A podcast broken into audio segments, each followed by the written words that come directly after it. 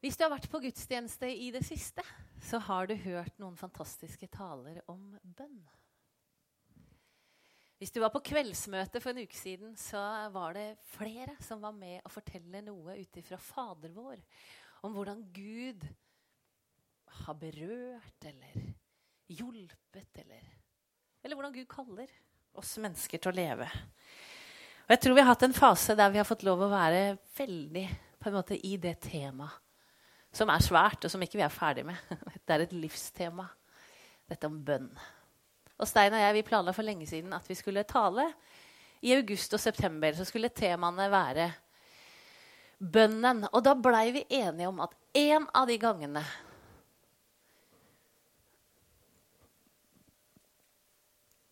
så skal vi snakke om det som er litt vanskelig å sette ord på.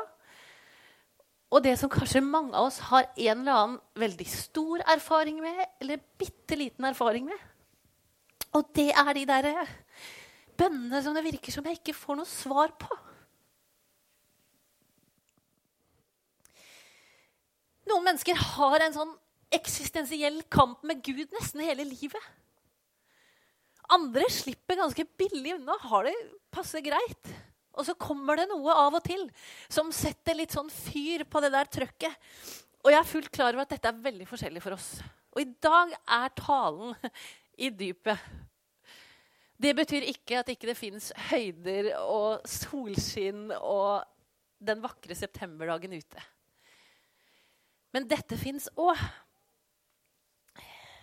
For hva gjør det med oss mennesker å leve i det paradokset at Gud som mette liten fugl av og til virker til å ikke se til meg som såret er?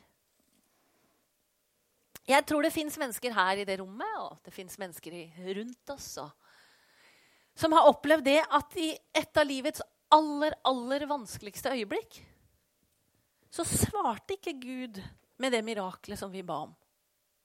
Og som var innlysende, at det var en god ting. Og Istedenfor at Gud ble en sånn som opplevdes som kilden til liv midt i det vanskelige, han ble nærere og sterkere og tydeligere enn noen gang, så ble det bare litt stille. Jeg vet ikke hvordan dine sånne bønner har uh, hørtes ut, eller høres ut. Hva temaene i de er. Det er sikkert mange ting. For her sitter vi mange forskjellige mennesker med utrolig mye forskjellig livserfaring. Eh, jeg kjenner jo mine egne. Eh, det er forskjellige. Jeg hadde ikke tenkt at jeg skulle grine. Eh, det er litt vanskelig å tørke med noe sånn der.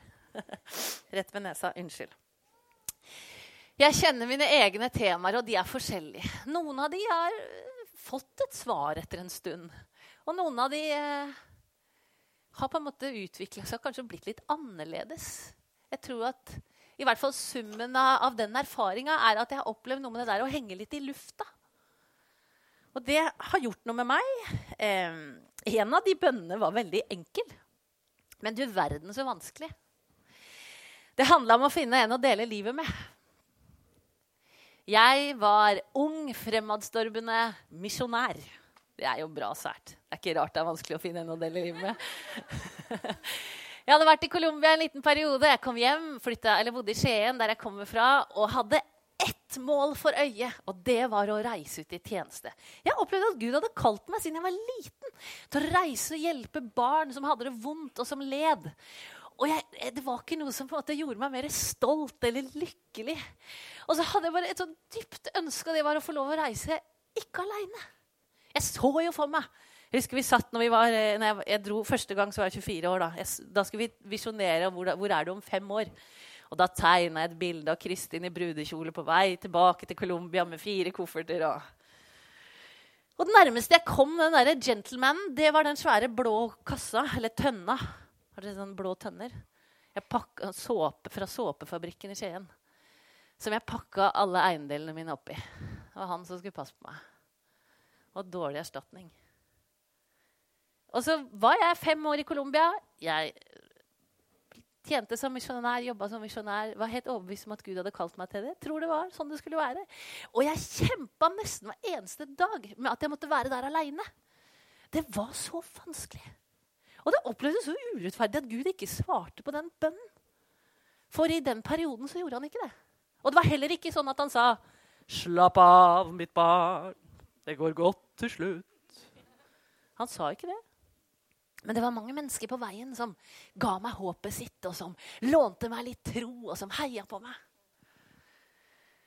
Og så vet jo dere at jeg fikk jo endelig ring på fingeren, da. Fordi at jeg fikk svar på den bønnen. Og møtte en mann. Og da møtte jeg også en sånn historie. Fordi han kommer fra en familie som Han hadde elska en kone. Han hadde fått barn. Han hadde vært gift med mammaen til barna sine. og Så hadde de opplevd at hun ble syk. Hun fikk kreft. Og så skjedde det utrolig vanskelig å forstå. Hun bare blei sykere og sykere, og sykere, og så døde hun. Og det var jo ikke fordi ikke folk ba eller hadde tro og tenkte dette kommer til å bra. Vi heier, vi ber, vi roper til Jesus. Og det ble ropt mange bønner. Og de mista det kjæreste de hadde. Og det har gjort noe med de. Så mye at det gjør noe med meg, som lever sammen med de. Og som på en merkelig måte har opplevd at vi midt i mangel på bønnesvar også har opplevd en rar form for et bønnesvar. Jeg vet ikke hvordan dine bønner høres ut. Kanskje høres noen av dem ikke så veldig tydelig ut, for de setter seg fast i halsen. De setter seg fast i klumpen eller i angsten eller Eller de er kjempetydelige. De er helt konkrete og håndfaste. For sammen med den du er gift med, så roper du til Gud. Kanskje hver eneste kveld. Vi har så lyst til å bli gravide, men vi får ikke barn. Kan du ikke hjelpe oss? Eller hvordan høres det ut når du er den arbeidstakeren som har kjent lenge? Åh, neste gang er det sikkert min tur. Og så blei det det. For sjefen sendte mail til deg.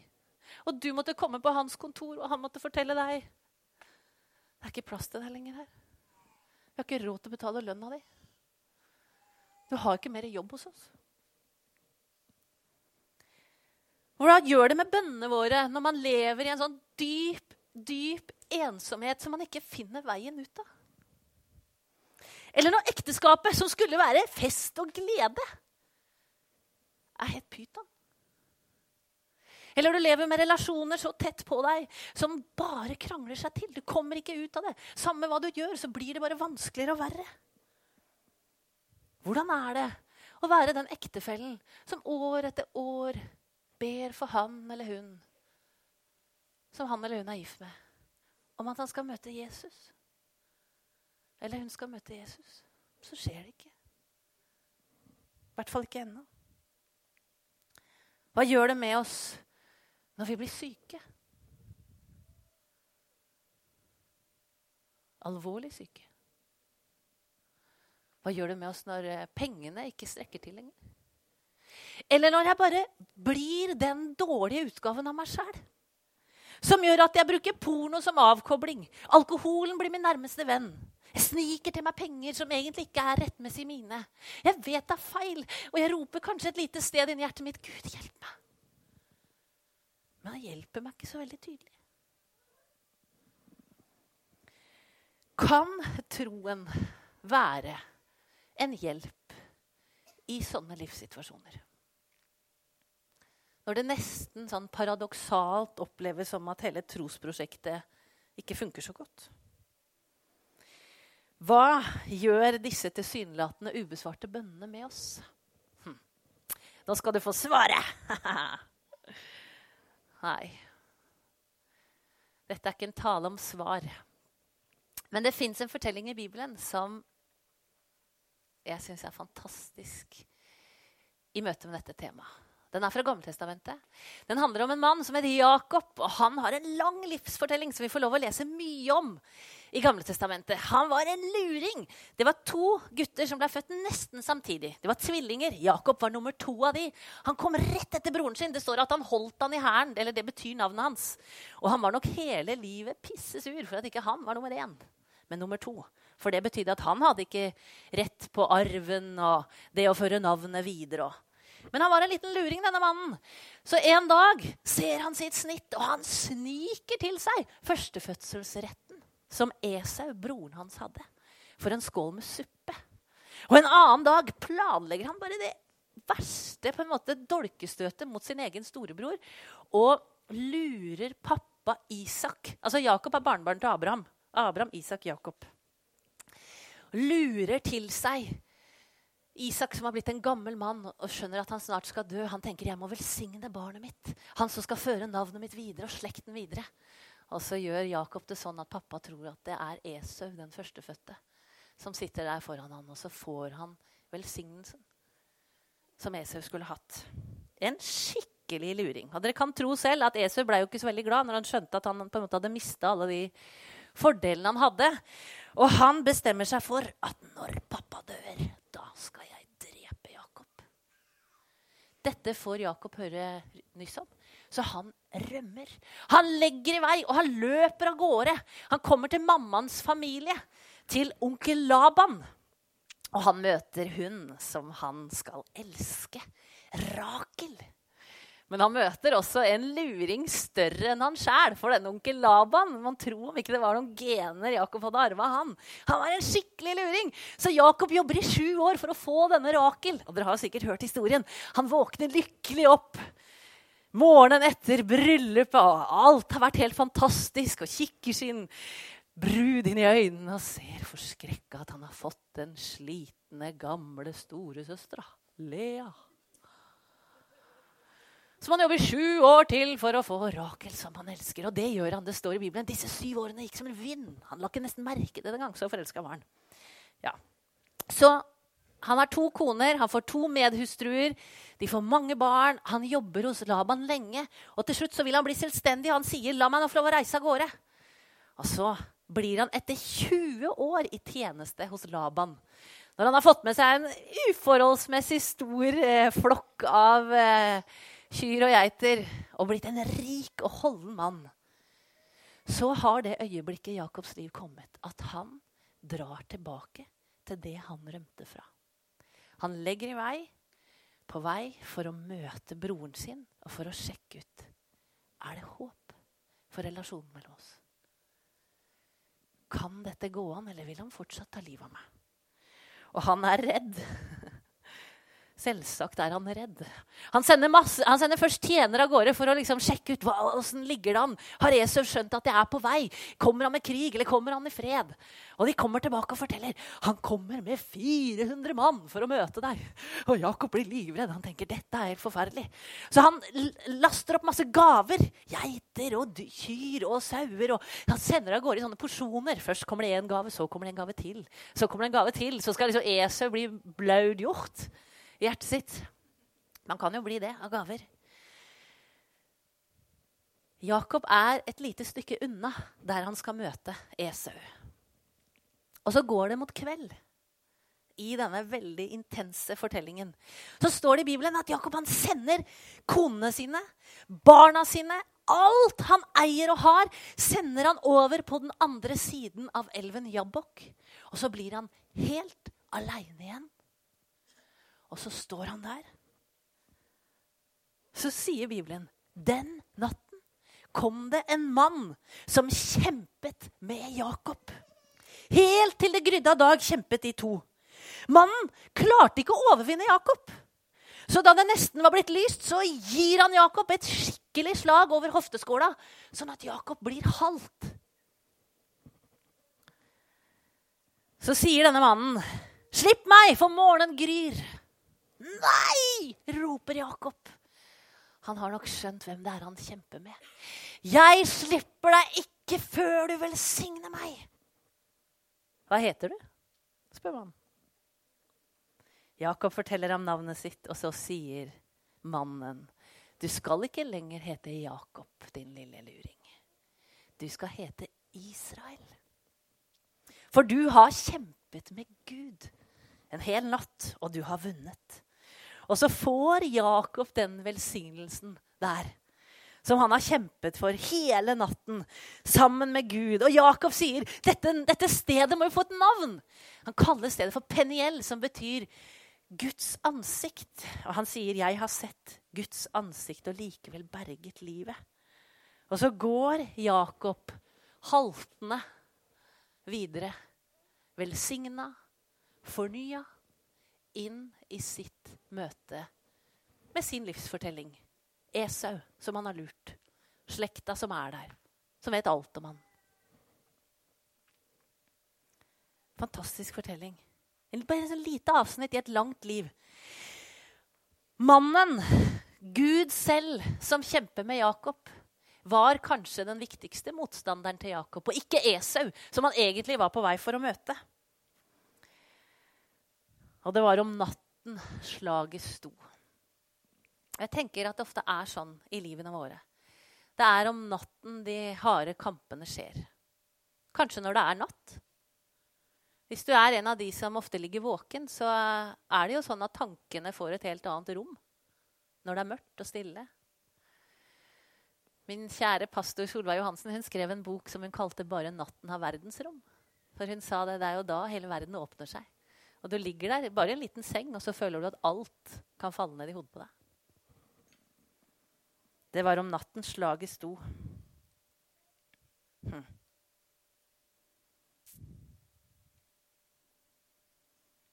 Jakob kjempet med Gud. Og vi kan jo tenke at det var litt vanskelig at Gud ikke bare slo han ned, og at Gud ikke vant. For Gud må jo ha vært sterkere enn Jakob. Kanskje var ikke poenget at Gud skulle vinne, men at Jakob skulle få kjempe kampen sin helt ut. Og så endte det med at den gangen her fikk han lov å bli velsigna rettmessig. Han hadde ikke sneket til seg, sånn som den første velsignelsen som han tok fra storebroren sin. Men nå fikk han Guds gode velsignelse over sitt liv. Han blei forandra. Han var aldri mer den samme etter det møtet. Hva er det som har fått deg til å kjempe med Gud?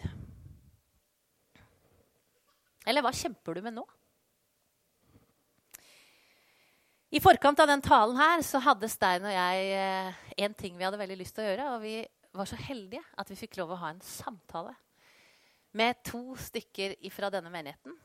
Elise, som sitter her, og Bente. Og dere er også, hører sammen med Camilla, som er lillesøster, og Ole, som er lillebror. Men samtalen Stein og jeg hadde, det var med Bente og Elise, og vi snakka om en sånn erfaring. For dere opplevde da dere var veldig unge, å miste pappa. Som blei syk av kreft. Og som sto midt i en menighet som mange ba for, som mange var glad i. Som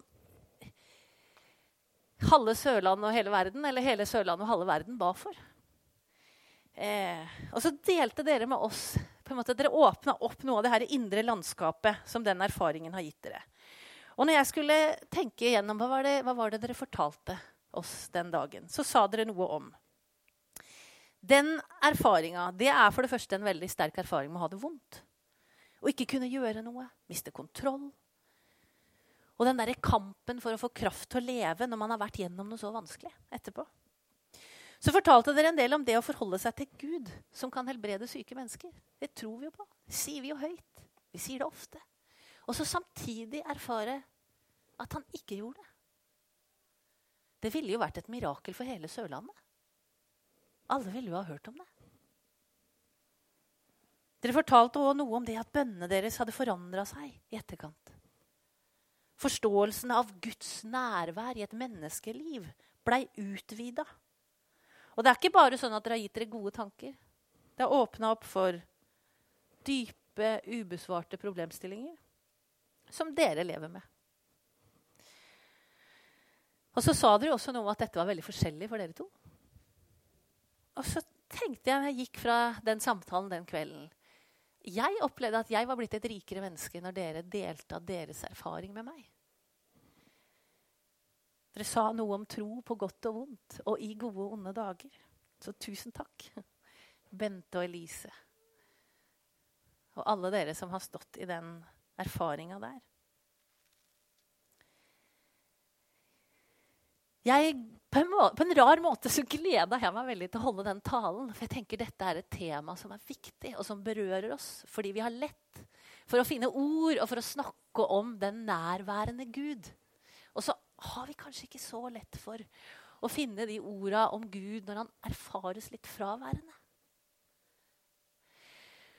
Og når jeg har forberedt meg, så har jeg bare klødd meg i huet mer og mer. Og så har jeg tenkt hvordan skal dette landes?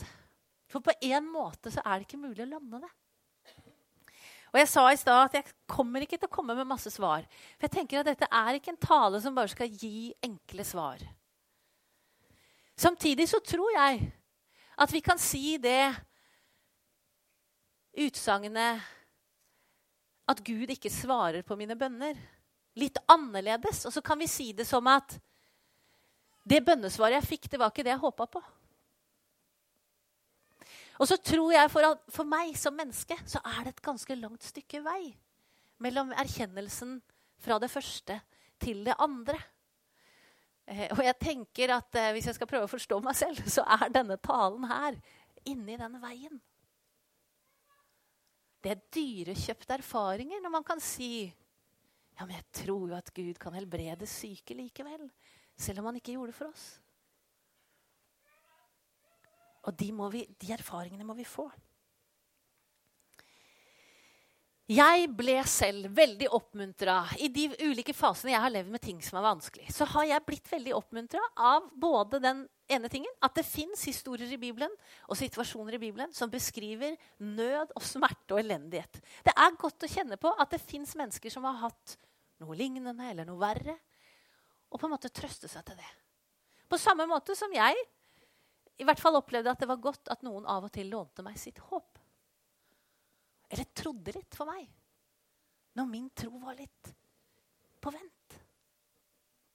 Og kanskje er det det vi skal hjelpe hverandre til, tenker jeg, når vi er menighet. For jeg tror på Jesus Kristus, som sto opp fra de døde tredje dag. Og som kom tilbake til disiplene, som fortalte dem dere, jeg er her. Og nå skal jeg gå opp til Gud igjen. Men jeg kommer til å være med dere alle dager inntil verdens ende. Den samme Jesus sa kort tid før det, når han hang på korset, så ropte han ut Gud Min Gud, hvorfor har du forlatt meg? Da tenker jeg, da vet Jesus noe om det derre spennet. Det spennet et menneske kan leve i mellom å tro og ikke bare tvile, men kanskje erfare noe som bare gjør det vanskelig å hele tatt forholde seg til Gud. Det vet Jesus mer enn noen noe om. Jeg vet ikke hvordan du kjemper. Kanskje gjør du det alene. Kanskje gjør du det best sammen med noen. Eller stille. Noen gjør det ute i skogen. Sykkeltur eller joggetur. og Vræler ut bønnene sine der hvor ingen andre enn Gud kan høre dem. Det må vi gjøre, tenker jeg. Det må vi bare finne vår vei. Og kunne løfte hjertet vår, vårt til Gud.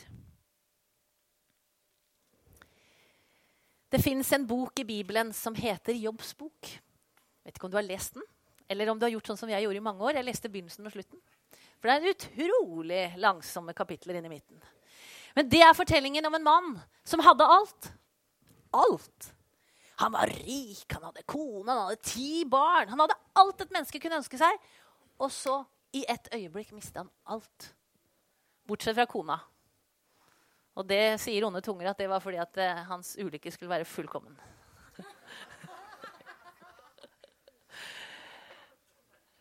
Og så er Jobbs bok en lang, lang fortelling om det menneskets kamp og spørsmål og samtale med venner der han spør hvorfor. Ja, men jeg forstår ikke. Var det noe jeg gjorde galt? Ja, men hvorfor skjedde det? Ja, men hvorfor meg? Hvorfor ble Og så etter mange kapitler så dukker Gud opp. Og så samtaler Gud, vår Herre, skaper av himmel og jord, med jobb. Og noe av det fantastiske med den boka, det er nemlig da at Gud svarer ikke på alle Jobbs sine spørsmål. Jobb får ikke svarene han har kjempa for å få. Men han møter Gud. Og så er det akkurat som at det blir ikke så viktig. For det skjer noe annet som er mye sterkere. Gud gir oss kanskje ikke alltid svar. Men han har gitt oss seg selv gjennom Jesus Kristus. Kanskje lever du i en liten kamp akkurat nå. Eller kanskje har du vært der. Kanskje tenker du 'Å, jeg er heldig, for jeg har ikke kjempa så mye'. Så godt. Jeg håper at vi kan bli gode til å låne hverandre tro. Til å heie på hverandre. Til å be både sammen og for og med hverandre. Men også til å heie på den som vet at akkurat nå må jeg gå et stykke i mørket aleine. Det er mange folk som har gått foran deg. Jeg skulle snakke om Johannes av Korset, men det skal jeg ikke gjøre. Det fins litteratur, det fins kunnskap om mennesker som har opplevd at mørket har fylt hele deres tilværelse. Og likevel har de hatt en erfaring av Gud på en eller annen måte gjennom det eller i det. Kanskje er disse erfaringene mest av alt med på å gi oss et økt forståelse av, eller et, et nytt bilde av hvem Gud er. Og kanskje en økt forståelse av hva det vil si å være menneske. Å leve her på jorden. Under de vilkårene vi får. Det blir ikke himmel på jord fordi om Guds rike har kommet nær. Men vi kan få lov å oppleve himmel i hjertene våre fordi Jesus er nær. Ja. Jesus, takk at du kjenner våre hverdager. Du kjenner de tankene og de situasjonene som gjør at vi gråter eller sparker, krangler, slåss, kjemper eller bare blir helt utmatta og ikke orker å kjempe. Takk at mennesker har hatt det sånn før, og takk at mennesker har fått håp. Og Jesus, jeg ber om at du skal hjelpe oss i vår vandring på denne jorda. Du ser de som akkurat nå lengter etter å få et bønnesvar. Jesus, kom inn i de forskjellige situasjonene. Så ser du de som har opplevd å ikke få det svaret. Eller det var i hvert fall så annerledes at det, at det er vanskelig å akseptere det. Jesus, kom inn i de hjertene og i de situasjonene. Og la oss få kjenne at du er nærværende. Om det er lyst eller om det er mørkt rundt oss. Takk at du er her nå, og takk at du går med oss ut i livet.